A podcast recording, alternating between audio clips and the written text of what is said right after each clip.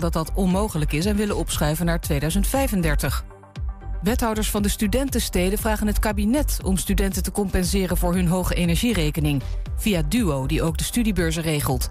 Voor de gemeente is het onbegonnen werk, zeggen ze.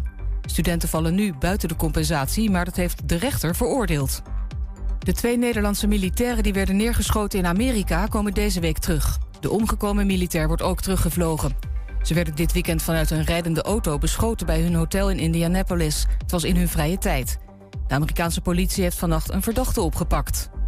In de binnenstad van Brussel is een grote politieactie geweest bij het Ibis Hotel. Een man zou daar gedreigd hebben om mensen dood te schieten.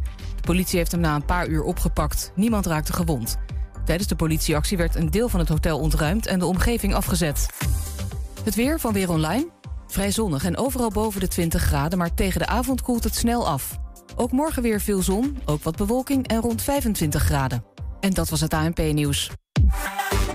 Is jouw auto toe aan een onderhoudsbeurt of een APK-keuring? Maak dan nu een afspraak bij Gebroeders van der Mei in Enschede. Of het nou gaat om APK-keuringen, reparaties, bandenopslag of totaalonderhoud. Gebroeders van der Mei leveren vakmanschap, passie en echte service. Je vindt ons aan de Lonnekerbrugstraat 80 in Enschede. Mam, mama, ik moet plassen. We zijn bijna bij Willemse Toiletten. Daar kun je veilig naar een schoon toilet en je handen wassen.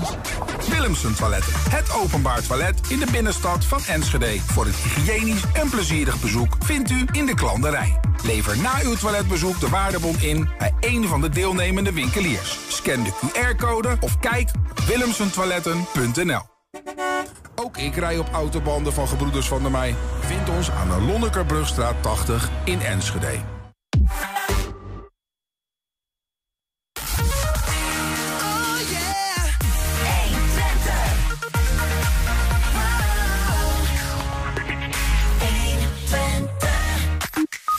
Als je om je heen kijkt, dan lijkt het wel herfst. De vraag is, hoeveel droogte kan de Twentse natuur nog hebben? Ja, ROC-leerlingen die in de knoop dreigen te raken... worden door Tactus en Mediant geholpen op hun eigen schoollocatie. En dat is zeer succesvol. Zelfs regentonnen kunnen tegenwoordig op internet zijn aangesloten. Jawel, die slimme regentonnen, zoals ze heten, staan op 12 plekken in Twente... en wij bekeken er een. En Enschede Jeroen van der Velde wil maar één ding... de allerhoogste zonnebloem van Nederland kweken. Het is woensdag, 31 augustus. Dit is 120 vandaag. 120. 120 vandaag. Mooi nieuws gisteren. De Sven Kramer Academy gaat van start op IJsbaan Twente vanaf 8 oktober. Dat betekent een nieuwe lood aan de boom van topsport, opleidingen en een extra kans voor schaatstalent. Tegelijkertijd is de toekomst van de ijsbaan, waar het allemaal moet gebeuren, onzeker. Gisteren werd een dreigend faillissement afgewend. De baan blijft open tot april volgend jaar, maar hoe het daarna verder moet, ja, wie zegt het? Over dat laatste hebben we het zo met collega Ernst Bergboer. Eerst praten we met de Douwe de Vries, oud-profschaatsen... en directeur van de Sven Kramer Academy. Douwe, goedemiddag. Goedemiddag. Net terug van vakantie, eh, begreep ik. En uh, meteen uh, supermooi nieuws over de schutting gooien. Ja, ja, ja, zeker. Ja, nee, super blij met deze samenwerking met Twente. En blij dat we dat nu op twee andere banen naast Tialf kunnen ontplooien. Ja, uh, voordat we dan verder gaan over waarom Twente, dat soort dingen. Uh, die Sven Kramer Academy, wat houdt dat precies in? Ja, dat is een non-profit stichting. met de naam zegt het al Sven Kramer Academy van Sven. ben ik samen met Sven gestart om, om eigenlijk het schaatsen een impuls te geven. En, en de nood was eigenlijk het hoogst hier in Tialf. Wat, wat gek lijkt, want het is een hele mooie ijsbaan. Alleen door ja, energieproblemen, hoeveelheid ijs wat er is werd het schaatsen ja, bijna onbetaalbaar, wil ik bijna zeggen, hier in het zuiden van Friesland. Waardoor hier eigenlijk alle toppers trainen, maar geen nieuwe aanwas komt. Ja, daar willen we wat aan doen. En daar staan we deze, uh, deze stichting voor gestart. Uh, om daar wat geld voor op te halen, zodat we daar dat ook betaalbaar kunnen houden. Nou, dat ging eigenlijk zo snel heel goed. Uh, fantastisch mooi. Ja. Maar toen hadden we wel meteen zoiets, ja, dat is zonde om dit alleen voor TIAF te doen. Uh, misschien moeten we dit op andere plekken ook gaan doen. Zodat we echt het schaatsen weer ook in Nederland een, een, een handje helpen. Ja, begrijp ik dan concreet dat je zegt van als er mensen zijn die willen schaatsen maar dat niet kunnen betalen, dan leggen wij wat geld bij? Of wat gebeurt er dan concreet uh, vanuit jullie hand? Nou, wij hebben eh, uiteindelijk als je zoiets wil runnen, een schaatsschool, dan heb je natuurlijk niet alleen het ijs wat je moet huren, maar je moet ook trainers, uh, die moet je betalen. Nou, er zijn allemaal organisatorische kosten aan. Ja, als je dat allemaal wil op de, uiteindelijk op de cursist wil verhalen, ja, dan, dan kom je toch op een best wel redelijk uh, prijskaartje uit. En dat voor kinderen is dat, ja, vinden, vinden veel ouders vinden dat te duur. Mhm. En nu dat we sponsoren hebben, kunnen we het stukje overhead kunnen we daarmee betalen. Ja, dan kunnen we echt alleen het stukje ijs uh, en het trainen kunnen we dan neerleggen bij een, bij een cursist. En dat is, ja, dus bijna de, in, in in ieder geval uh, de helft van de prijs van, ja. van anderen die hetzelfde aanbieden. Dus ja, daarmee wordt het gewoon veel laagdrempeliger. Ja, en we zien nu al dat die aanwas daardoor uh, vergroot. Ja, in Tialf is dat, uh, is dat succesvol. Want jullie hebben een soort van missie, begreep ik ook, om iedereen eigenlijk voor zijn twaalfde levensjaar moet een keer op het ijs hebben gestaan. Dus, ja, nou is dat in Friesland, dat is mijn gevoel bij Friesland, is dat iets wat sowieso al gebeurt. Maar lukt dat, denk je, hier ook? Ja, dat is meer een, een toekomstvisie. En dat zou ons fantastisch lijken. Dat ja, wij als Nederlanders vinden dat schaatsen toch toch iets wat, uh, wat iedereen ook altijd zegt. Hè? Het zit in ons DNA, wat altijd zo mooi is. Uh, maar het is toch wel echt zo, als het natuurijs ligt, dan staat ook bijna echt iedereen op het ijs. Mm -hmm. Maar het zou zonde zijn als het alleen van die schaarse periodes die we nog hebben, uh, af moet hangen. En, en we hebben twintig fantastische ijsbanen in Nederland. Laten we die gaan gewoon goed gebruiken. Ja. En, en daar het schaatsen gewoon leren. Zodat als er natuurreis ligt, dat we dan ook meteen lekker kunnen schaatsen. Kan, kan iedereen uh, bij, bij jullie terecht, bij die Svenkamer Academy vanaf 8 oktober? Want dan zou je toch zeggen, ja, dan sluiten andere schaatsscholen maar. Want als bij jullie voor de helft van de prijs kan. Ja, nou, uiteindelijk wij zitten alleen maar op het, het schaatsen aanleren. Dus dat vonden wij ook meteen heel belangrijk. Dat we niet op de stoel van de clubs gaan zitten. Uh, de clubs en verenigingen in het schaatswereld, maar ook op andere sporten, zijn super belangrijk. Dus wat wij doen, proberen de aanwas naar de clubs te vergroten. En dat doen we dan niet alleen voor de lange baan schaatsen, maar ook voor alle andere disciplines in het maar hoe schaatsen. Doe je, hoe doe je dat dan? Die, nou, door, door kinderen die bijvoorbeeld uh, helemaal, die nog niet kunnen schaatsen, door die het lessen aan te bieden, die leren schaatsen, dat ze een beetje snelheid kunnen maken, een beetje over kunnen stappen. Nou, dan houdt bij ons houden de lessen op. Ja. Dan ben je als ware geslaagd voor de Sven Kramer Academy. Nou, en dan sturen we je door naar een club waar je dan daar uh, kunt gaan trainen. Uh, en misschien ook wel wedstrijdjes gaan schaatsen ja. als je het leuk vindt. Dan ga je door naar het serieuze werk. Nou ja, jullie zeiden al, hey, je had het over Tialf. Toen zijn jullie begonnen, ongeveer twee jaar geleden. Um, dat was succesvol. Nu rol je hetzelfde pakket uit in Tilburg. Maar dus ook op de ijsbaan Twente uh, in Enschede. Uh, waarom in Enschede eigenlijk? Ja, in Enschede omdat ik, ik ken Gianni, Gianni Romme, die uh, runt daar de schaatsbaan. Die, die ken ik goed ook, omdat hij ook een oud schaatser is. En zodoende kwamen we aan de praten. En ja, hij heeft eigenlijk dezelfde insteek met de filosofie van nou, niet alleen op lange banen schaatsen focussen, maar ook op al die andere disciplines. Ja, en dat klikte gewoon heel goed. En daar zijn we over gaan praten. En ook met de problematiek, nou, dat, dat, dat kaart je net al eventjes aan die er ligt. Hadden we zoiets van, ja, we moeten eigenlijk echt wat doen op deze baan. Want, want het is gewoon een fantastisch mooie ijsbaan. Maar het zou zonde zijn als dat ja, eigenlijk wegkwijnt. En, mm -hmm. en daardoor heb je gewoon heel veel mensen nodig die, die daar lekker schaatsen. Heel veel nieuwe jeugd die daar komt schaatsen. Nou, hoe kunnen we elkaar daarin helpen? Nou, en dat is, dat is eigenlijk deze samenwerking geworden. Gaan uh, die sponsoren waar je het net over had, gaan die ijsbaan Twente redden? Nou, kijk, uiteindelijk een ijsbaan is weer wat anders dan een, schaats, uh, uh, een schaatsschool. Uh, wie weet, dat zou heel mooi zijn. Maar, maar vaak is het toch zo: uh, ijsbanen, uh, zwembaden, theaters. dat kost allemaal meer geld dan het uiteindelijk oplevert. En, mm -hmm. en dat geeft ook niet, want die hebben ook een publieke functie. Vinden we allemaal in Nederland. En, en dat mag ook wat geld kosten. Dus vaak zul je toch zien dat daar toch overheidssteun voor nodig is. om, om zulke soort um, faciliteiten open te houden. Dus ja, ik hoop echt dat ook daar. Uh, de gemeente wat wil doen, zodat die banen gewoon open gehouden kan blijven. Ja. En dat uh, mensen ook in, die regio lekker kunnen blijven schaatsen. Maar toch, ergens klinkt er een soort van geloof. We gaan zo meteen nog iets dieper, ook met de collega hierin, over de, de financiële situatie hoor, van de ijsbaan. Maar het, er klinkt wat uh, geloof in ieder geval vanuit jullie uit dat je op dit moment, op die ijsbaan in Enschede, zo'n academy start. Want ja, je gaat dat ook niet voor één seizoen doen, lijkt ons dan. En je had ook bijvoorbeeld voor Deventer kunnen kiezen bij de Scheg. De, ja. Ja, nou, wij hopen echt natuurlijk dat, dat die baan... Wij zien gewoon dat daar onwijs veel aantallen uh, toch geschaatst hebben en schaatsen. En ook qua schoolschaatsen, uh, kan ik je vertellen, is dat een van de uh, beter lopende ijsbanen van Nederland. En het schoolschaatsen, dat zijn echt kinderen die vanuit school gaan schaatsen. dus er komt heel veel jeugd daar. Ja, en dat zou zonde zijn als dat wegvalt in die regio. Want ja, David is toch een heel stuk rijden met de auto om, um, om daar te schaatsen. En dan zul je toch zien dat, dat de aanwas vanuit die regio een stuk lager wordt ook. Uh, blijf graag even, even hangen met ons, uh. En dan ga ik ook even mijn collega Ernst Bergboer erbij halen. Die heeft zich wat verdiept in de materie over hoe het nou zit bij IJsbaan Twente en de financiële situatie. Gisteren in één keer het nieuws dat eigenlijk een soort van nou ja, faillissement is afgewend. En er nog tot aan april in ieder geval die ijsbaan open blijft, april 2023. Hoe zit dat precies? Daarna zijn we er vanaf? Of hoe? Tot en met april, inderdaad. Uh, de, de exploitant, de PCH-groep, uh, dat is degene die die ijsbaan uh, financieel rond moet maken, zeg maar. Dus die, die, die, die runt die ijsbaan, zal ik zeggen. Um, die had een contract tot 2028, um, maar kreeg het financieel niet rond. Er waren al een hele tijd financiële problemen. De gemeente heeft in 2016 uh, bijgesprongen. Er moet 180.000 euro huur eigenlijk betaald worden. De gemeente legt daar een ton bij. Dus dat is 80.000 in de afgelopen ja. jaren. Maar ook dat kreeg de PCH-groep niet rond. Dus die wilde onder dat contract uit. Mm -hmm. Nou, daar was zeg maar even gesteggel over. Dat was, hoe, hoe moet je dat dan doen? Want formeel kan dat niet. Dan moet je boetes betalen, ingewikkeld. Uh, maar dat leek op een faillissement uh, uit, uh, uit te gaan lopen. Um, dat is afgewend. De gemeente heeft gezegd, we, we, ontbinden dat contract per oktober. Dus dan zijn jullie van dat contract af.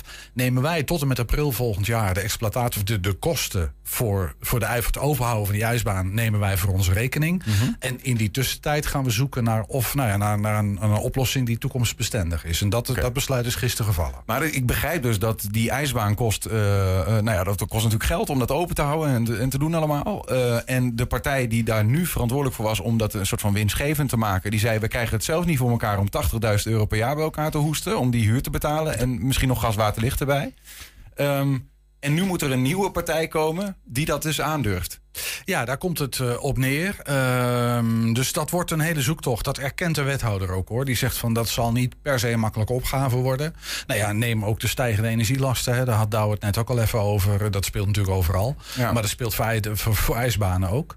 Dus dat wordt nog een hele zoektocht. En het is maar de vraag of dat gaat lukken natuurlijk. Ja. Douwe, um, jij zit beter in de schaatswereld uh, dan wij. Hè? Kent de schaatsbanen in den landen. Noemde net volgens mij een getal van 20 ongeveer. Um, hoe zit dat eigenlijk bij die anderen? Hoe doen die dat? Want je zei al, die dreigen eigenlijk overal lastig. Maar is er ook overal zo'n dreigend faillissement, zeg maar, telkens? Um, een dreigend faillissement, dat is heel lastig. Ik kan eigenlijk die 20 schaatsbanen niet over een kam scheren. Want de ene is um, eigendom van de gemeente. Uh, andere is um, private uh, bezit. Uh, de ene wordt als een bedrijf gerund, de andere uh, meer uh, onder een stichting. Dus het zijn eigenlijk van allemaal verschillende constructies. De ene krijgt wel hulp, de andere krijgt geen financiële hulp. Nou, als ik als dit dan hoor, ja, ik, ik moet eerlijk zeggen, ik zit daar niet heel diep in met Twente. Dus kregen ze eigenlijk een soort van korting op de huur. Um, ja, dat, dan zal de gemeente toch misschien helemaal geen um, bedrag moeten rekenen om het überhaupt te kunnen doen. Want ja, het is heel simpel. Uh, de energielasten zijn dusdanig hoog en daar heeft elke ijsbaan uh, heeft er last van. Dus die zullen het of op een um, mensen moeten verhalen die komen schaatsen. Alleen uiteindelijk is daar de rek natuurlijk een keer uit. Ja. Uh, net als het voorbeeld wat ik net zei met het zwembad. als je normaal, um, als je de energiekosten door wil rekenen naar een gebruiker, dan moet je ongeveer 20 euro per kind rekenen voor een zwembezoekje. Ja, dat zijn gewoon niet zoveel mensen in Nederland die 20 euro daarvoor over hebben om even te gaan zwemmen. Dus ja, dat moet naar 5 euro. Ja, die 15 euro moet ergens vandaan komen. En vaak is dat uh, toch bij overheidsinstellingen die dat, uh, die dat uh, helpen daarmee, zodat het open kan blijven. Nou, ja, ik hoop ja. dan ook dat, dat deze baan, ook net zoals Tialf, die ook hulp krijgt vanuit de provincie om, om het te kunnen blijven doen. Uh, dat, die, uh, dat, dat dat ook in Twente het geval is. Ja, dus jij gaat je eigenlijk achter uh, Gerard Kemkes, die ook directeur van Talent net, wat hier in Enschede gevestigd zit, die schaatstalent wil opleiden in de regio. Die zegt eigenlijk, joh, aan alle betrokkenen die zich verantwoordelijk voelen voor het opleiden van schaatstalent in Twente, zorg dat je een steentje bijdraagt en dat dit hoe dan ook open blijft.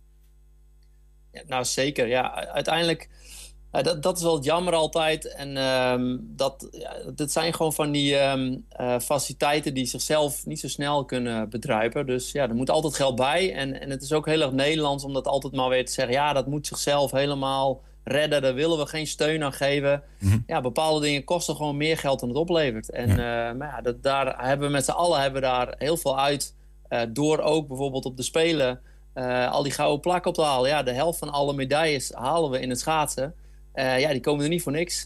dat, dat kost gewoon geld, zo simpel is het. Nou, dat zit vooral ook in hoe krijg je die jeugd, ook uit die regio, krijg je aan het schaatsen. Nou, daar komen allemaal talenten weer vandaan die uiteindelijk misschien wel medailles halen. Ernst, ik, ik hoor Douwe zeggen... Van, ja, misschien moet de gemeente dan toch ervoor kiezen... om die hele rekening te gaan betalen. En nou ja, dat is natuurlijk een vraag die open staat. Dan moet de gemeente die die exploitatie van die hal gewoon helemaal zelf overnemen. Ja. Ehm, volgens mij las ik daarvan dat de wethouder zei... Eh, dat is uh, vermoedelijk iets wat wij niet willen. Nou ja, kijk, die, die PCH-groep die heeft een tijdje geleden gezegd... wij krijgen het niet rond, dus uh, we hebben extra subsidie nodig. Toen heeft de gemeente gezegd... ja, dat gaan we niet doen, want dat zou feitelijk een kwijtschelding van de huur zijn. En daar beginnen we niet aan. Um, en dat is toch steeds... natuurlijk zoekt de gemeente in eerste instantie naar een partij... die zegt van, nou ja, wij willen dat zo goed mogelijk exploiteren. En dan kost het wat minder geld. Dus dat zal zeker de, de, de eerste poging zijn van de gemeente. Vraag is of dat gaat lukken. Uh, mijn inschatting is dat die kans niet zo heel groot is. Dat Wat kunnen ze meer doen? Hè? Ik heb iets gehoord over feesten organiseren. Misschien ja, daarom geld in te zamelen. Uh, precies. Maar dat is, nou ja, de, de, de, die scenario's zijn ze nu. Ja. Ik heb even gesproken met, uh, met het sportbedrijf van de gemeente. Bas Morsink van Sportaal. Mm -hmm. Um, en hem de vraag gesteld van... Goh, is, is, het, is het aan de orde dat, dat die ijsbaan onder sportaal zou gaan vallen? Hij zegt, nou, dat is nog heel prematuur. De, de, op dit moment worden gewoon scenario's verkend. En een van die scenario's is wel degelijk... om inderdaad die ijsbaan vroeg of laat onder sportaal. Je zou eigenlijk kunnen zeggen dan dus onder, uh, onder de gemeente te laten vallen. Uh, waarmee dus de, de, de, de onderhoudskosten en, uh, gedekt worden door, um, door, gemeente, door gemeenschapsgeld. Eigenlijk door ons allemaal. Gaan wij als Enschede'ers daar gewoon met z'n allen ja. voor, voor betalen. En dat is een scenario. En ja. al die scenario's worden op dit moment verkend. Er wordt er is nog een andere trouwens. Want ik begreep ook dat de wethouder zegt... ja, ik heb ook aan andere Twentse gemeenten gevraagd... hey, dit is niet Enschede schaatshal... maar dit is onze Twentse schaatshal, IJsbaan Twente. Ja, dat klopt. Jullie daar, moeten meebetalen. Ja, dat is ook. De, de, de, dat is eerder afgeketst. Daarvan hebben de Twentse gemeenten gezegd: ja, daar beginnen we niet aan.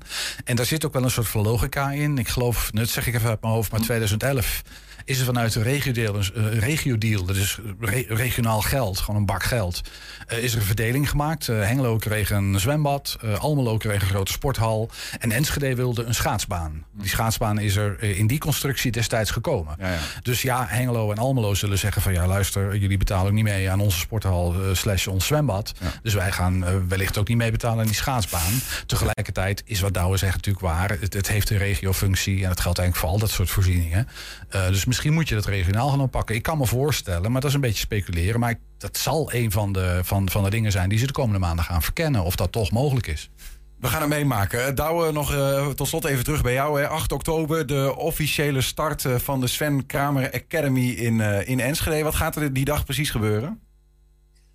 Ja, we gaan natuurlijk uh, dat feestelijk openen. En uh, ja, dat gaat ook met Sven zijn en uh, met, met de trainers. En ja, daar gaan we een hele leuke dag van maken wedstrijdje Sven uh, Gianni?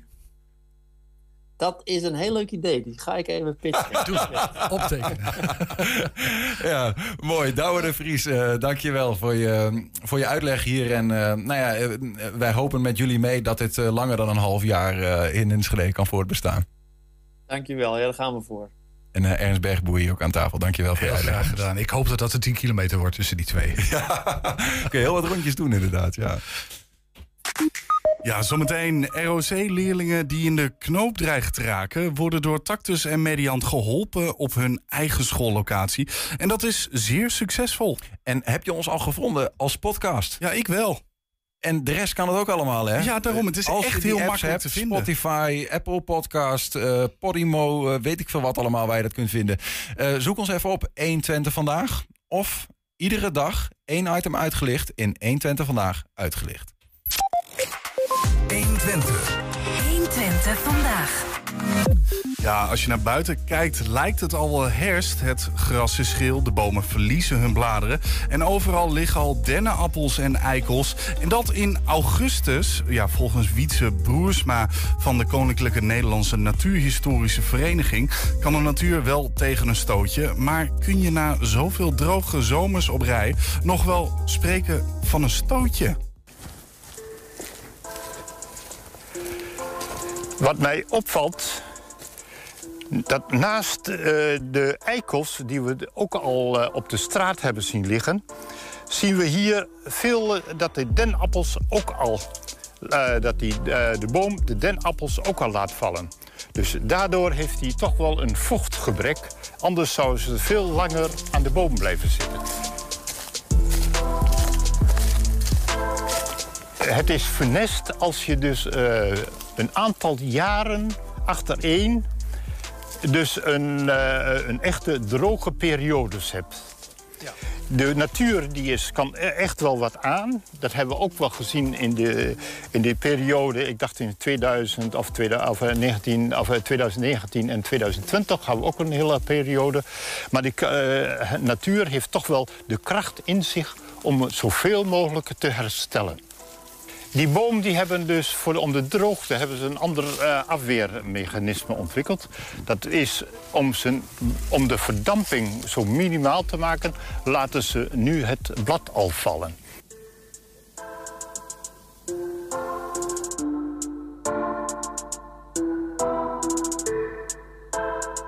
We hebben hier dus een, nat heidegebied met een behoorlijk ven. En je ziet dus dat ven ook eh, al behoorlijk droog staat. Je, eh, normaal gesproken is dat het helemaal rond is, helemaal eh, met water. En dat zie je nu zie je niet. Je hebt een wat hogere delen, wat lagere delen. En daar zul je zien. Want tot hoe ver stond het water hier, zeg maar, voor de droogte? Ongeveer? Hier staat het echt hier tot aan de rand en er eigenlijk overheen. Maar als je dat een aantal jaren zou hebben, dan weet ik nog niet precies wat er gebeurt. Dus op een gegeven moment moet die grondwaterstand die moet wel weer op peil gebracht, worden. En we hopen in ieder geval dat door de, eh, de fluctuatie in de grondwaterpeil dus steeds minder wordt. Daarvoor zijn een aantal maatregelen genomen. We hebben dus de afvoersloot hier verderop. Links is dat eigenlijk, kun je hier niet zien. Dus die is eh, gedeeltelijk is die gedempt. En wat hier ook gebeurd is, is dat er zoveel mogelijk naaldhout weggehaald is. En, en waarom naaldhout? Naaldhout, daar is het hele jaar door... heb je daar groene naalden aan zitten. Groene bladen mag je ook noemen. En die zorgen voor eh, eh, verdamping van het gebied. En daardoor krijg je als het ware... de grondwaterstand gaat dan ook weer verder omhoog.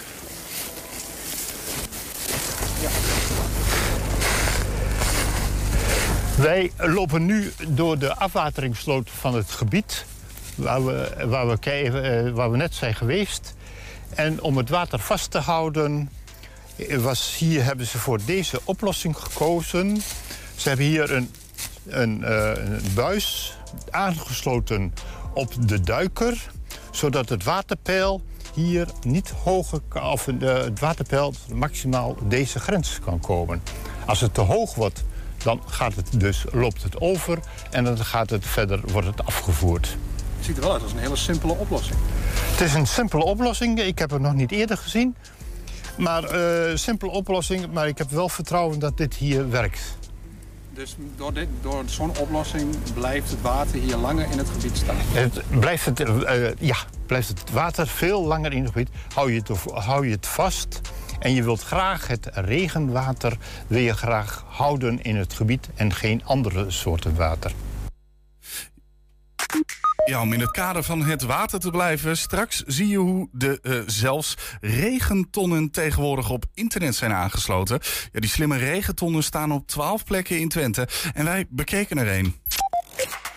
120. 120 vandaag. ROC-leerlingen die buiten de boot dreigen te vallen omdat ze verslavingsproblemen hebben of op psychisch in de knoop dreigen te raken, worden met succes geholpen door medewerkers van Tactus en Mediant. Niet op een soort van hoogdrempelige locatie van een van die twee instellingen zelf, maar op school, hè, de school waar de leerling zit. En dat blijkt dus heel goed te werken. Als aangeschoven is er Margot Gamers, is manager van het loopbaancentrum van het eh, ROC van Twente. Margot, welkom. Dankjewel. Misschien goed om, om eerst even een kader eh, een beetje te schetsen van wat dat loopbaancentrum precies is, waar dus Mediant en Tactus onderdeel van uitmaken op een of andere manier. Ja, nou dat lijkt me heel erg goed.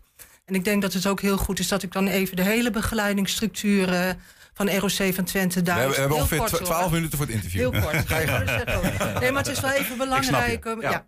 ja. Want eh, ROC van Twente heeft eh, zo'n 20.000 eh, studenten. En gelukkig het overgrote deel die gaan met een rechte lijn richting het diploma. Maar er is ook een groep die wat extra ondersteuning nodig heeft. En als je kijkt naar onze loopbaanstructuur, dan heeft iedere student sowieso een studieloopbaanbegeleider. En die, die de student begeleidt bij de studie en, en waar de gesprekken meegevoerd uh, kunnen worden. Het kan natuurlijk zijn dat die studieloopbaanbegeleider iets signaleert bij die uh, student. Er is bijvoorbeeld verzuim of. Nou, die gaat dan in gesprek.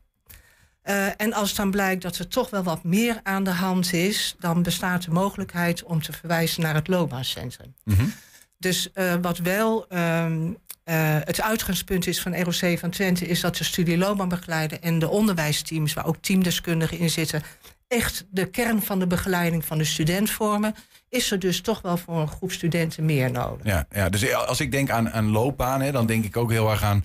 Nee, ik weet even niet van wat voor een keuze ik nou moet maken... welke richting ik op moet. Maar in het loopbaancentrum ROC gaat het ook over... Um, ik weet gewoon in het leven even de weg niet meer. Ja, nee, dat zeg je heel goed. Want wat dat betreft is het loopbaancentrum... de naam is wat verwarrend misschien. Ja. Maar in dat loopbaancentrum, daar heeft ROC van Twente... Uh, jeugdhulpverleners, maar ook loopbaanadviseurs. Ja. Dus dat zijn de mensen die jongeren oppakken die uh, uh, een verkeerde beroepskeuze hebben gemaakt. Of, of, ja. hè, dus het is een heel breed scala aan deskundigen die in dat loopbaancentrum zitten. Bijvoorbeeld ook schuldhulpverleners. Dat is ook wel heel erg belangrijk. Ja, zelfs voor die leerlingen al speelt dat soms, schuldhulp. Nou ja, en wellicht wel nu Met met, uh, met uh, de crisis misschien nog wel meer. Maar, maar ja. dat. dat uh... En wat, wat, zijn dan, als we het even inzoomen op de dat... rol van Mediant en Tactus ja. in deze, wat, wat voor een problematiek is het waar zij. heb, je, heb je voorbeelden daarvan? Van... Zeker. Nou, Mediant, even nog, Mediant en Tactus, die zitten dus samen met die deskundigen in het loopbaancentrum. En daarmee heb je een heel mooi multifunctioneel team daar. Nou, wat er dus kan gebeuren, is dat een studieloopbaanbegeleider een student verwijst omdat blijkt dat hij bijvoorbeeld heel veel gamet. En dat daar, hè, en het lijkt dat, uh, dat dat toch wel die uh, studie uh, beïnvloedt, of omdat de ouders zorgen hebben. Die komt dan bij een jeugdhulpverlener van het loopbaancentrum en die zegt: Nou, ik denk dat het goed is dat iemand van Tactus, die bij ons in het loopbaancentrum zit, een gesprek met deze jongeren mm -hmm. heeft. En want dat is echt problematiek. En dan hebben we het ja, over uh, uh, verslavingsproblematiek, uh, blowen, nou ja, drankgebruik, maar ook gamen. Nou, het kan zijn dat bijvoorbeeld iemand van Tactus daar het gesprek mee aangaat. Nou, dan kan het twee kanten op gaan. Het kan zijn dat de jongen veel gamet, maar daardoor ook sociale contacten heeft. Dus dan is er eigenlijk niks aan de hand. Mm -hmm. He, dat, jongeren gamen soms ook om te chatten met anderen. He. Maar het kan ook zijn dat er toch wel een zorgelijk uh, iets is. Nou, ja. dan kan of de medewerker van Tactus dat zelf oppakken.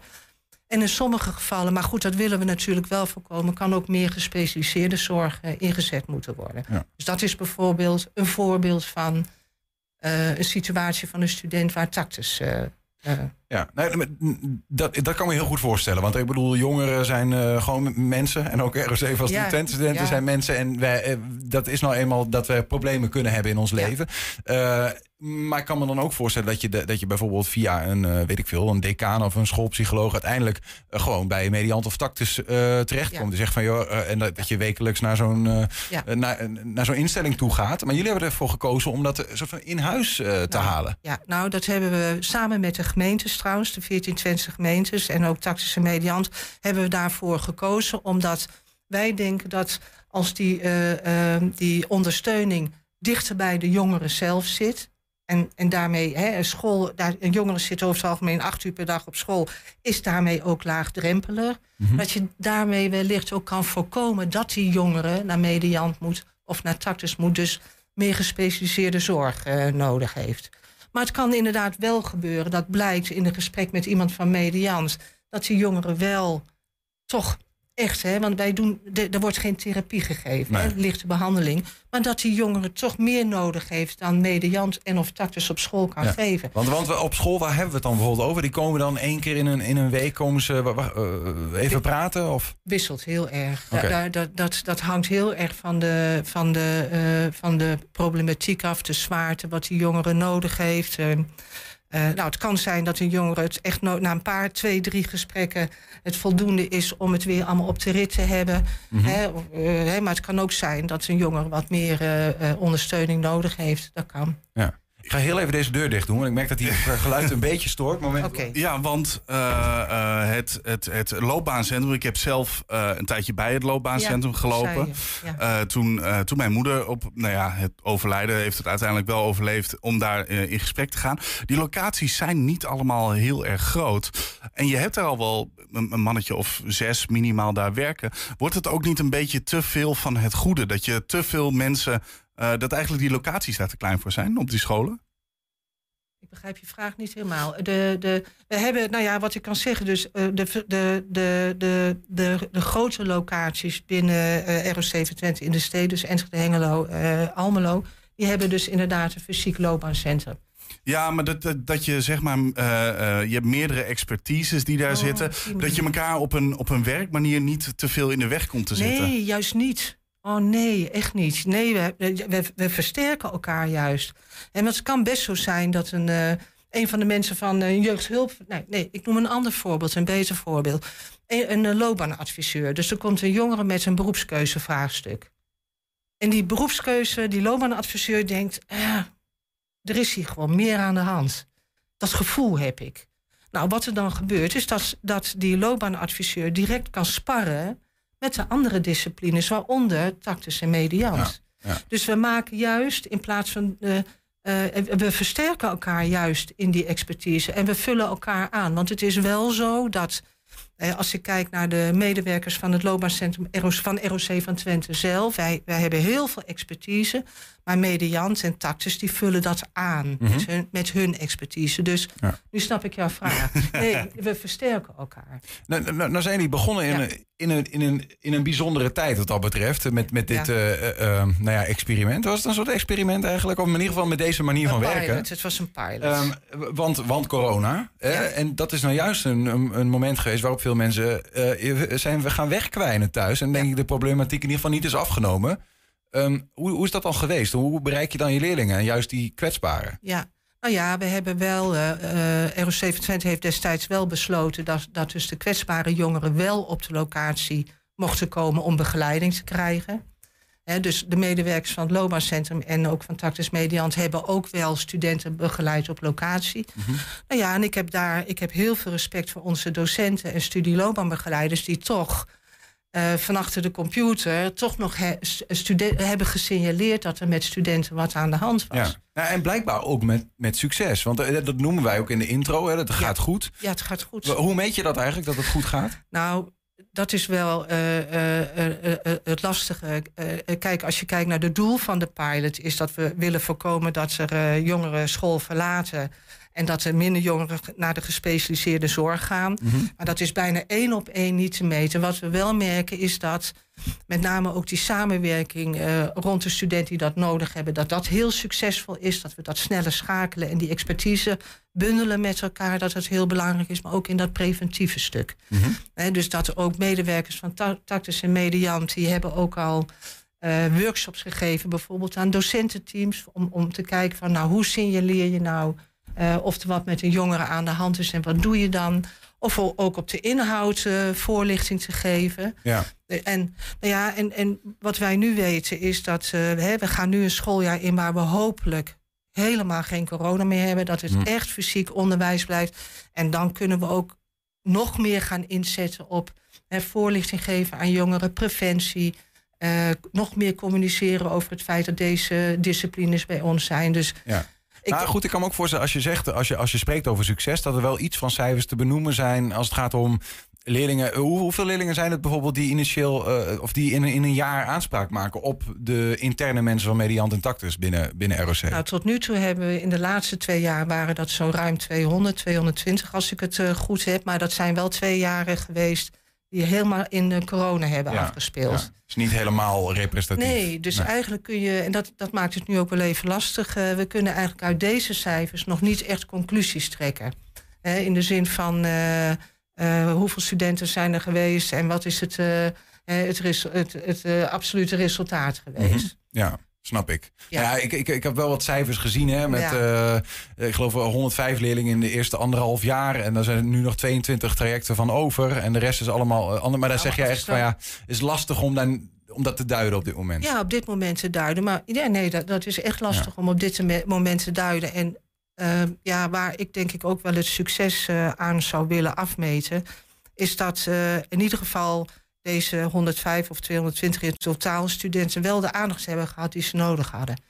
En, eh, en dat kunnen er eigenlijk wellicht alleen nog maar. Eh, Maar hoe weet je dat? Dat ze, dat ze de aandacht hebben gekregen die ze omdat nodig ze hadden? verwezen zijn naar het loopbaancentrum. En, eh, en eh, kijk, ja, wat is suc- succes? Hè? Succes is als een student een diploma haalt. Ja. Maar succes is ook als een jongere op de juiste plek in een hulpverlening terechtkomt. Ja, en dat zou je van deze zou je dat, eh, Ja. eh, kunnen zeggen. Ja. Terwijl ze waarschijnlijk niet allemaal het pad naar school weer terug hebben gevonden. Wellicht na de hulpverlening wel weer. Ja. Ja.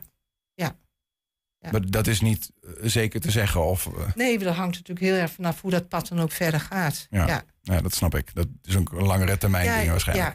Ja, ja. Ehm, ja, nou ja, in ieder geval zijn de, de, de 14 Twentse gemeenten zijn volgens mij ook, ook blij hè, met eh, de inzet. Ja, nou ja, ze hebben het in ieder geval, eh, de financiering van uh, Tactische Mediant hebben ze verlengd tot en met 2024. Mhm. Dus daar zijn we heel erg blij mee. Ja, is, het, is het dan ook goed of zeg je eigenlijk van als manager, als ik de wereld zou mogen besturen, dan zou ik dit of dit nog wel erbij willen hebben eigenlijk? Ja, ik zou dat we heel graag echt definitief structureel willen hebben. Ja. Ja, dus niet tot 2024, maar gewoon eh, ja, tot ja, in lengte omdat vandaag. ik echt oprecht denk, echt oprecht denk dat, eh, dat onze jongeren in combinatie. Hè, want dan, eh, wa- wat het mooie ervan is, dat bijvoorbeeld de mensen van het loopbaancentrum van ROC van Twente zelf, die hebben bijvoorbeeld ook verstand van school en van onderwijs. Dus die combi is juist ook zo mooi. Hè? Dus dat de mensen van Tactus en Mediant, hè, die, die dus onze jongeren begeleiden, weer kunnen leren van, on- van de mensen van het loopbaancentrum Ja. zelf over hoe. Hè, dus die versterking. Ja, ik ben daarvan overtuigd dat dat echt eh, preventief werkt. Het zijn er overigens niet heel veel, want je noemde je eh, 20.000 studenten op Ja. het eh, gehele ROC. Eh, er zijn maar zes mensen in totaal van Tactus en Mediant die Ja. in, in, in dagdeel, ieder is een dagdeel op een school aanwezig. Ja. De- nou ja, is dat, is dat te doen? Tot nu toe wel, zeker. Maar Ja. goed, we hebben natuurlijk ook de collega's van het loopbaancentrum zelf die er ja, zijn. precies. Hè? Ja, ja. Ja, de- hè, dus je moet echt, ik denk echt wat, wat heel belangrijk is, dat men zich echt realiseert dat dit een, eh, echt een samenwerking is. Dus dat, eh, dat juist dat multidisciplinaire, door, door, door de aanwezigheid van tactus en mediant, ook een enorme meerwaarde is voor de studenten. Is het er trouwens ook, eh, misschien met de binnen... ehm, eh, zie je, ik weet niet hoe lang je al voor, zelf al voor het loopbaancentrum werkt... maar wat, wat is eigenlijk de trend? Zie, zien we het aantal leerlingen wat bij jullie komt... en misschien wel in de knoei raakt... of met zijn schoolloopbaan of met zijn levensloop... eh, zien we dat groeien, afnemen, gelijk blijven? Nou, we zien nu op dit moment wel wat groei. Hè, er zijn natuurlijk wel jongeren die ehm, eh, ook door de coronatijd wat moeite hebben om weer intrinsiek gemotiveerd te raken om naar school te gaan. En dat kan natuurlijk vele redenen hebben. Sommigen die pakken het ook wel weer op, hè, door, omdat ze weer sociale contacten hebben op school en hebben weer zoiets van, nou, we gaan het tegenaan. En anderen hebben een steuntje in de rug nodig. Maar dat kan ook een studieloopbaanbegeleider doen. Maar goed, in, een, in, een, in het uiterste geval komen wij daar ook. Ja. het is voornamelijk eh, corona gedreven dat dat wat toeneemt. Nee, nee, ik denk dat het sowieso wel, wel wat, wat toeneemt. Maar ja, dat is ook heel lastig om, hè, om te zeggen: is dat nou corona of is dat nou een toename? Maar we zien gewoon maatschappelijk. Hè, dat, dat ja, dat is het. Hè? ja. Want je, dat, dat is een beetje het gevoel wat je soms krijgt. Alsof de, de crisis eh, hand over hand Ja. toenemen. En dat zal zijn weerslag hebben her en der. Tuurlijk. En kijk, van Twente is natuurlijk gewoon een kleine maatschappij op zich, hè, met 20.000 jongeren. Dus dat wat je in de maatschappij ziet, zie je natuurlijk ook bij ons. Ja, ja. En dat is zo, ja. Dankbaar werk om eh, de jongeren daarin bij te staan, denk ik. Ja, nou ja, mijn collega's die eh, zijn mega enthousiast. En ja, of mega enthousiast, heel gedreven daarin. Omdat je natuurlijk ook wil dat. En kijk, stel dat wij nu, nu een jongere op kunnen pakken in het MBO. En dat we die toch met, met alle inspanning van eh, interne en externe partners toch weer op de rit kunnen krijgen. Moet je kijken wat dat ook de maatschappij uiteindelijk oplevert. Maar vooral die jongeren. Ja, win-win. Ja, ik vind een win-win, absoluut. Margot Gamers, dankjewel voor Ja, je komst. nou, en graag eh, gedaan. succes Nou, het gaat lukken. met de leerlingen. Gaat lukken. Dankjewel. Ja, Enschede Jeroen van der Velde heeft een bijzondere hobby. Hij kweekt namelijk zonnebloemen van wel meer dan 7 meter hoog. 120. 120 vandaag. Ja, wist je dat zelfs regentonnen tegenwoordig aangesloten kunnen zijn op het internet? Ja, 12 slimme regentonnen, zoals ze heten, staan her en der in Twente om getest te worden. Jeroen Buitenweg heeft er één staan bij zijn huis in Hengelo. En collega Henk ging bij hem op bezoek om uit te vinden wat er nou precies zo slim is aan die regenton.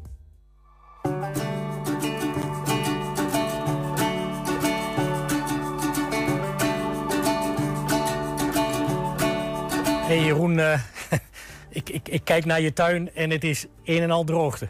En toch ben jij van het water. Ja. Hoe zit dat? Nou, de tuin heeft het moeilijk inderdaad. Komt omdat ik ook eigenlijk uh, niet sproei. Nee. Uh, wel vanuit wat uh, regen die ik opgeslagen heb. Maar ja, dat is nu ook wel zo'n beetje op. Dus, en je hebt overal regentonnen staan? zoveel mogelijk, inderdaad. om maar wat regenwater op te slaan voor als het droog wordt. En, en, en, hoe, doe je, het, hoe, doe, hoe dat, doe je dat dan?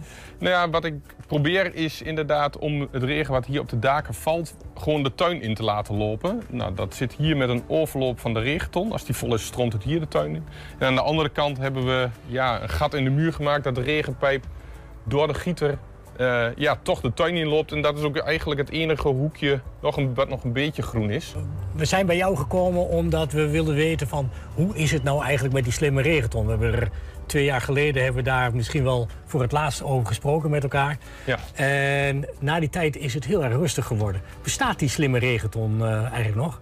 Hij bestaat nog steeds. En uh, er zijn uh, op de achtergrond allerlei stappen gezet om hem ja, betrouwbaarder te maken, te snappen wat hij doet, wanneer hij het doet. Um, deze regenton hierachter is, dit is de dit normale. Dit is, dit is, geen slimme. Dit is een ja, domme regenton. ja, ja, hè? Want als die vol zit, zit hij vol. En uh, als er een regenbui komt, uh, dan blijft hij vol. En uh, nou, de slimme regenton helpt eigenlijk ook met droogte rekening te houden. Oké, okay, zullen we er eens naartoe lopen? Want je hebt er eentje staan. We hebben er eentje staan. Nou, gaan we naartoe. Wat, en... maakt nou, wat maakt nou dat deze ton een slimme regenton is? Ja, dat is eigenlijk het hele kleine witte kastje erbovenop. Uh, dit, dit, die bij de volgende versie waarschijnlijk weer nog kleiner wordt. Dit, wat is dit? Dit is eigenlijk het slimme gedeelte. Daarin zit eigenlijk uh, de kennis, een klein computertje. Een klein computertje die uh, kijkt van wat zit er in de ton. Hè? Hij meet hoeveel water erin ja. zit. Um, maar hij heeft ook contact met nou, eigenlijk de KNMI-voorspelling. bijvoorbeeld of het code geel of code rood wordt, code oranje. Ja. En eigenlijk heel simpel gezegd, als KNMI zegt er komt een hele zware regenbui, code geel is dat, voor uh, wateroverlast, dan zal die berekenen, deze computer berekenen van dit dak zit hier op, dat is zoveel oppervlak, zoveel, Zoveel regen. meter, Ik heb ja. zoveel liter berging nodig. Ja. En zoveel liter berging laat hij dus leeglopen uit de ton. En dan kun je weer nieuw bufferen. En dan kun je weer nieuw bufferen. En dat doet hij eigenlijk voor de bui uit. Oké, Hendrik Jan, tekens. Ja. Uh, waterdeskundige van de gemeente Enschede. En heel drukdoende om de, nou, de slimme regenton in de markt te zetten. Ja, Of niet? klopt. Ja. Klopt, ja. ja. Hoe, Ja. hoe, hoe ga je dat doen? Eh, hoe ga je dat doen? Nou, we hebben nu dus de, de, de test met... eh, straks hebben we 12 tonnen in het veld staan, inclusief die op de universiteit. En dan testen we dat nog een tijdje Je, door. je hebt twaalf mensen bereid gevonden om met die eh, ton eh, ja, te testen. Ja, en er zitten ook mensen tussen die gewoon eh, een- geen achtergrond hebben qua water. Dat is een drietal. En nou, die gaan we nu de komende tijd plaatsen bij die mensen. En dan gaan we met die mensen ervaring opdoen of we het helemaal goed doordacht hebben. En ik denk dat we nu heel dichtbij zitten dat we het in grote massa Waar, waar zit je dan nog eigenlijk op te wachten? Eh, nou, tot nu toe hebben we het getest met vakmensen. En, en ja, je weet waarschijnlijk dat als je met vakmensen praat, dan praat je ook een beetje in je eigen hokje. Eh, dus bijvoorbeeld eh, kreeg ik al van ja, ik vind het wel mooi hoor, maar ik vind het technisch wel mooi, maar mijn vrouw vindt het ding lelijk. Nou ja, Ja, ja, dat dan soort dingen. krijg je dat soort hè? dingen, ja. De- Dus dat is de fine-tuning. Eh, ik denk dat we de techniek nu, eh, ja, dat durf ik wel te zeggen, dat we die aardig onder, eh, onder de knie hebben. Ja, dus het, werkt. De, de, de eh, 250 liter die in zo'n ton hoort, die wordt leeggemaakt zodra er een bui komt. Ja. En het idee van dat de bui dan langs schamt en de ton leeg gaat, ehm, dat heb je nu ondervangen. Nou, dat klopt, want dat eerste dat hadden we in het begin dus heel veel. Ja. Hè? Eh, maar nu werken we met nauwkeurigere gegevens en we gebruiken niet elke bui, maar we gebruiken de waarschuwingen van het KNMI. We hebben ook het geluk dat KNMI nauwkeuriger wordt en ook meer eh, per regio gaat werken. Dus het is nu KNMI Overijssel. En we kunnen het eh, technisch gezien per kostcodegebied uh, doen. Dus we zijn voorbereid op een nog nauwkeurige voorspelling. En wegzetten gebeurt door een bedrijfje. Je gaat een bedrijfje beginnen of je gaat een start-up beginnen om, om die tonnen bij mensen onder te brengen? Ja, dat is de bedoeling. Ja. En hoe we dat precies gaan organiseren is nog even de vraag. Maar uh, dat is de bedoeling. En dan uh, het wegzetten moet je dan zien dat het voordeel voor, van de, de slimmigheid zeg maar, is voor de gemeente. Dus die kosten zijn voor de gemeente. Daarvoor krijgt de gemeente terug waterberging bij particulieren op een kavel. Um, en de, de kosten van het plaatsen, ja, daar moeten we nog een verdeling over maken. Want mensen kopen ook een ton en dat kost hun nu ook geld. Of, of ze doen het zelf. En laten we wel zijn, um, hij wordt geplaatst. Het is niet zo dat mensen zelf aan knutselen kunnen. Uh, nee, want um, wij, wij willen het gewoon zo afleveren. We werken, en dat is een heel mooie, uh, hele mooie vraag. Want in de riolering hebben we het over robuuste systemen. En daarom hebben we ook lang hier op geïngineerd dat het robuust is. En dat geldt ook voor het plaatsen. Het, het, het moet, uh, we moeten ervan op aankunnen dat het werkt. Ja. Anders haken gemeentes af. Hè? Ja. Ja, we hadden al een gegadigde, die uh, verliet net het pand. Die zeggen, ik, moet nog, ik wil een regenton. Uh, dus nou ja, bij deze. Iets dus, voor jou, balkon? Ik ben bang uh, dat ik A, geen balkon heb. Oh, ik dacht dat je een balkon had, sorry. En als ik hem had, uh, dan paste die niet waarschijnlijk. Nee, nee, nee. Nou ja, jammer. Ik ben kun een ar arme sloeber, uh, ja, Kun je mij je ouders geven? Kan ook hartstikke leuk zijn. Ja, heeft u een, een tip voor de redactie? Eh, meld het ons, laat het ons weten. Info apenstaart 120.nl 120. 120 vandaag. Je moet je voorstellen, als je een jochie van 10 bent, hè, dan kun je verschillende hobby's hebben. De ene gaat knikkeren de hele dag, dat deed ik. En uh, een beetje voetballen en zo. Je hebt ook uh, mensen die uh, sparen Barbie, Barbiepoppen en zo. Maar je hebt ook andere type mensen. Namelijk, die doen niks anders dan zonnebloemen kweken. Zo blijkt wel, want dat is ons volgende gast, Jeroen van der Velde uit Enschede. Die doet dat al heel lang. En zodanig dat hij maar één droom heeft. Dat is de allerhoogste zonnebloem van Nederland te kweken. En hij is goed op weg. Hij heeft zonnebloemen van maar liefst 7 meter hoog. Jeroen, welkom. Wel, uh, dankjewel. Nou, wat, wat, wat, wat, is er, uh, wat is er mis met jou? Uh, ja, nou ja, misschien in de, in de buurt. misschien denken mensen dat ook wel. Maar um, nee, mensen in de buurt vinden het allemaal hartstikke leuk. En Gisteren hebben ze mij nog geholpen. Uh, niet één, maar uh, vier uh, man sterk. Dus ja, daar ben ik heel blij mee. Jouw buurgenoten, die zeggen niet van... Jeroen, ik zie niks meer. Ik, ik, heb geen uitzicht meer door al die zonnebloemen van je. Nee, juist niet. Ze vinden het helemaal geweldig. ja hoor. Hey, we zagen net, we hebben een aantal onderwerpen voorbij zien komen... die gaan over droogte. Hè? En nou ja, de natuur die heeft er ook last van. In hoeverre merk jij dat met je zonnebloemen? Ja, weet je, uh, nou goed, we zagen net ook uh, toevallig een Jeroen met, uh, met een regenton. En uh, die heb ik zelf ook, alleen de regenton is al lange tijd leeg. Dus ja, dan kom je toch met een... en dan zit je toch met een dilemma van, ja, wat moet je doen? ja, toch maar sproeien, want anders gaan ze stuk. Dus ja, het is lange tijd droog in, in Nederland. En ja, dan um, moet je ze toch wel water geven. Maar dat lukt nog wel. Want ja, hoe hoger ze worden, hoe meer water ze nodig hebben. En dit is, we, we kijken hier naar een foto voor de luisteraar. Maar ik denk dat een gevaarlijke hobby is dit. Ik denk dat sommige mensen als een verdieping van, uh, van vier etages, wat ongeveer zeven meter kan zijn, dat ze dan toch wel zeggen, po, dat is wel heel hoog. Ja, dat klopt. Um, goed, over, uh, over de droogte. Kijk, de mate van water geven is gewoon een hele belangrijke factor in het kweken van hoge zonnebloem. Um, de hoeveelheid water, wanneer je water geeft. Um, goed, klein tipje van de sluier. S ochtends vroeg is de beste manier, uh, beste tijdstip om, uh, om water te geven. En uh, ja, inderdaad, de hoogte. ze worden ook jaren hoger. vorig jaar 6,64. Nu is de hoogste op dit moment 7,07. dus van jou of in Nederland? van mij. Van jou? Ja. Oké. Okay. Dus nou goed, het kan nog alle kanten op de, dit jaar, maar maar de, jij zegt die de hoogste van mij 7,07. Dat is dus nog niet de hoogste van Nederland. Want daar wil je naartoe. Ja, de hoogste van Nederland uh, die stond uh, in 1986 uh, in. waar was het? In. Nou, ik kom er even niet op. Ja, misschien komen we er zo nog op. We ja, zoeken het even het. op. Ja? In Oorschot. Okay. In het zuiden van Nederland. Die stond op 7,76 meter. Dus daar ben ik bijna. Ja. Maar zijn er ook andere gekken die op dit moment. die op dit moment hetzelfde, dezelfde uh, um, opzienbarende hobby hebben als jij, die zeg maar strijden tegen elkaar? Ja, die zijn er. Ja. En jullie zitten samen in een WhatsApp-groepje? Uh, via Facebook Messenger spreek ja. ik een aantal mensen. Um, nou ja, de, ja, ik noem het maar mediacircus. Uh, een aantal weken geleden was uh, de Tubantia bij mij. En later Hart van Nederland. Ja, en dan op een gegeven moment weten mensen je te vinden via de sociale media. En dan, uh, ja, gaan ze je vragen stellen van, goh, uh, hoe, hoe doe je dit en hoe doe je dat? Ja, nou, daar helpen ze, helpen ze wel mee op weg hoor, dat doe ik wel. Ja, maar tot een bepaalde hoogte. En daarna kunnen ze de spreekwoordelijke tyfus krijgen. Ja, ja, eh, wel tot het inderdaad. Want ja, weet je, kijk, het is natuurlijk de kunst van, nou, wat zeg je wel en wat zeg je niet.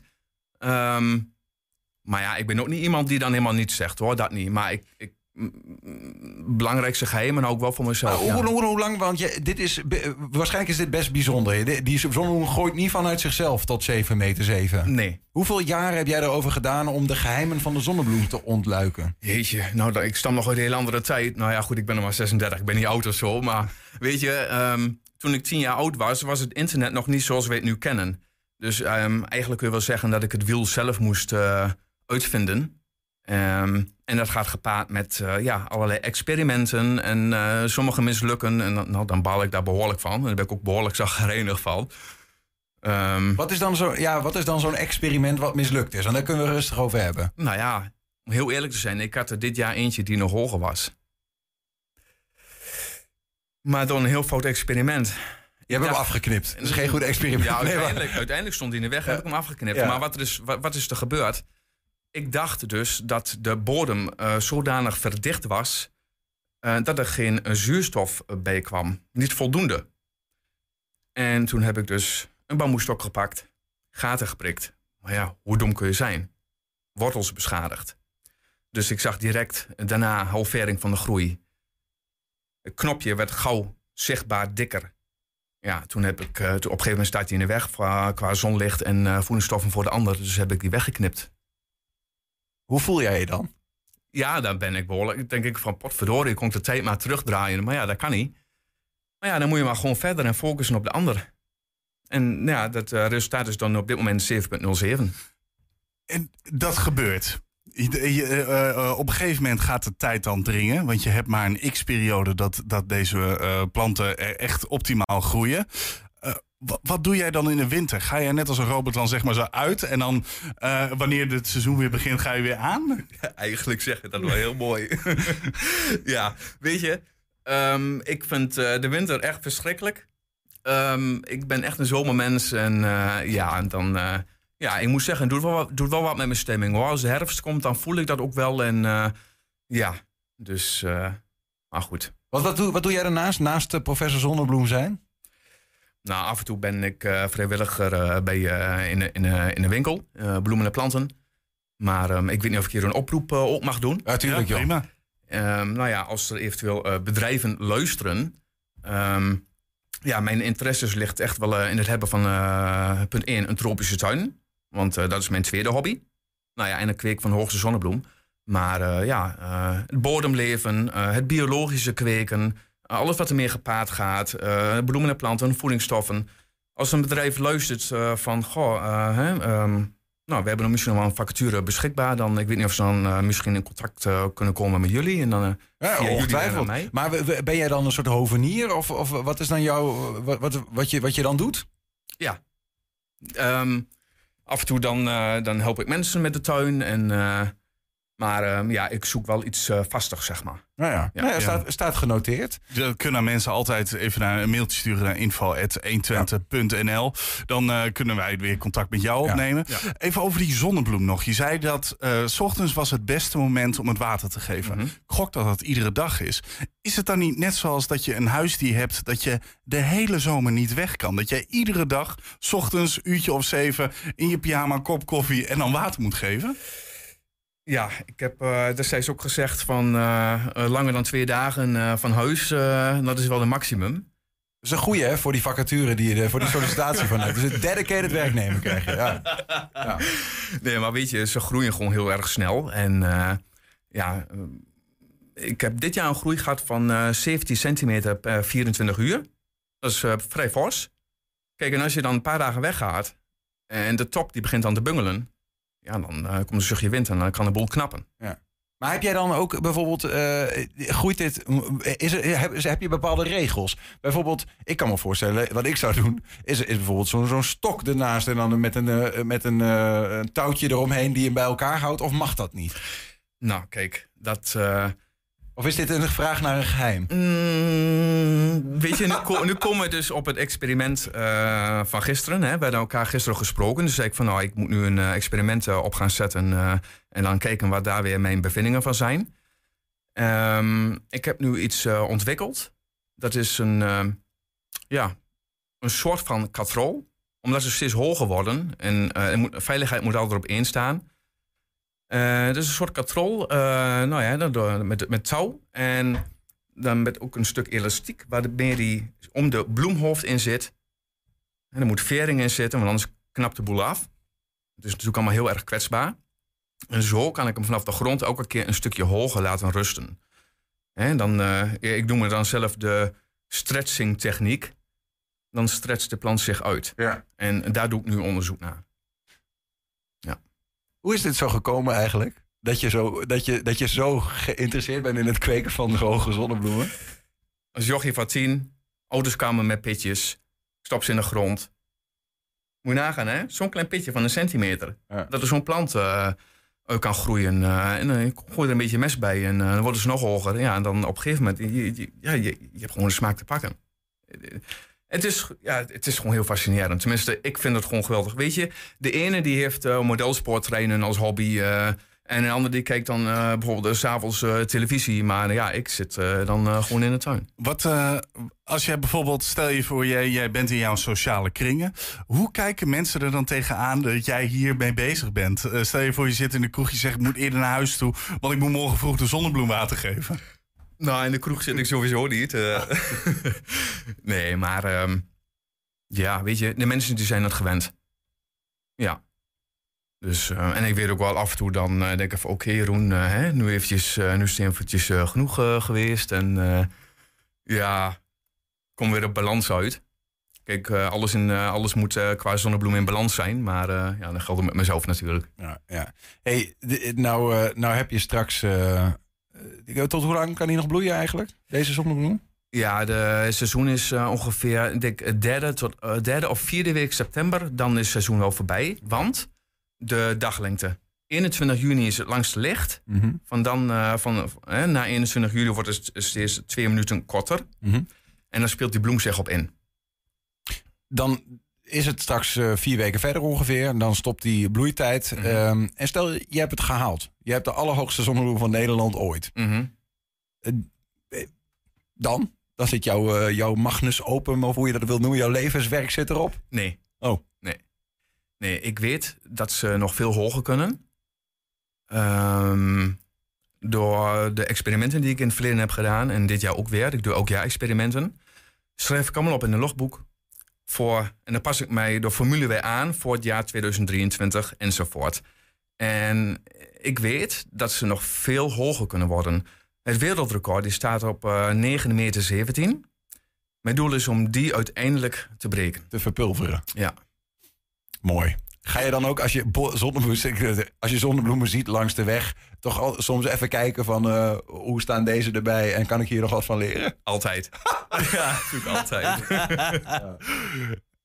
Ja. Briljant. Ik, ik moet ook heel eerlijk zeggen, ik, was, eh, ik, ik, ik had dat gevolgd eh, via RTV Oost. Je vertelde ook een verhaal dat het ook op een gegeven moment echt gevaarlijk werd, die hoogte. Want wat, wat, wat was er toen precies gebeurd? Ehm, nou ja, die ladder wat je ziet. eh, op een gegeven moment eh, waren de klinknagels eh, afgebroken bij het scharnierpunt.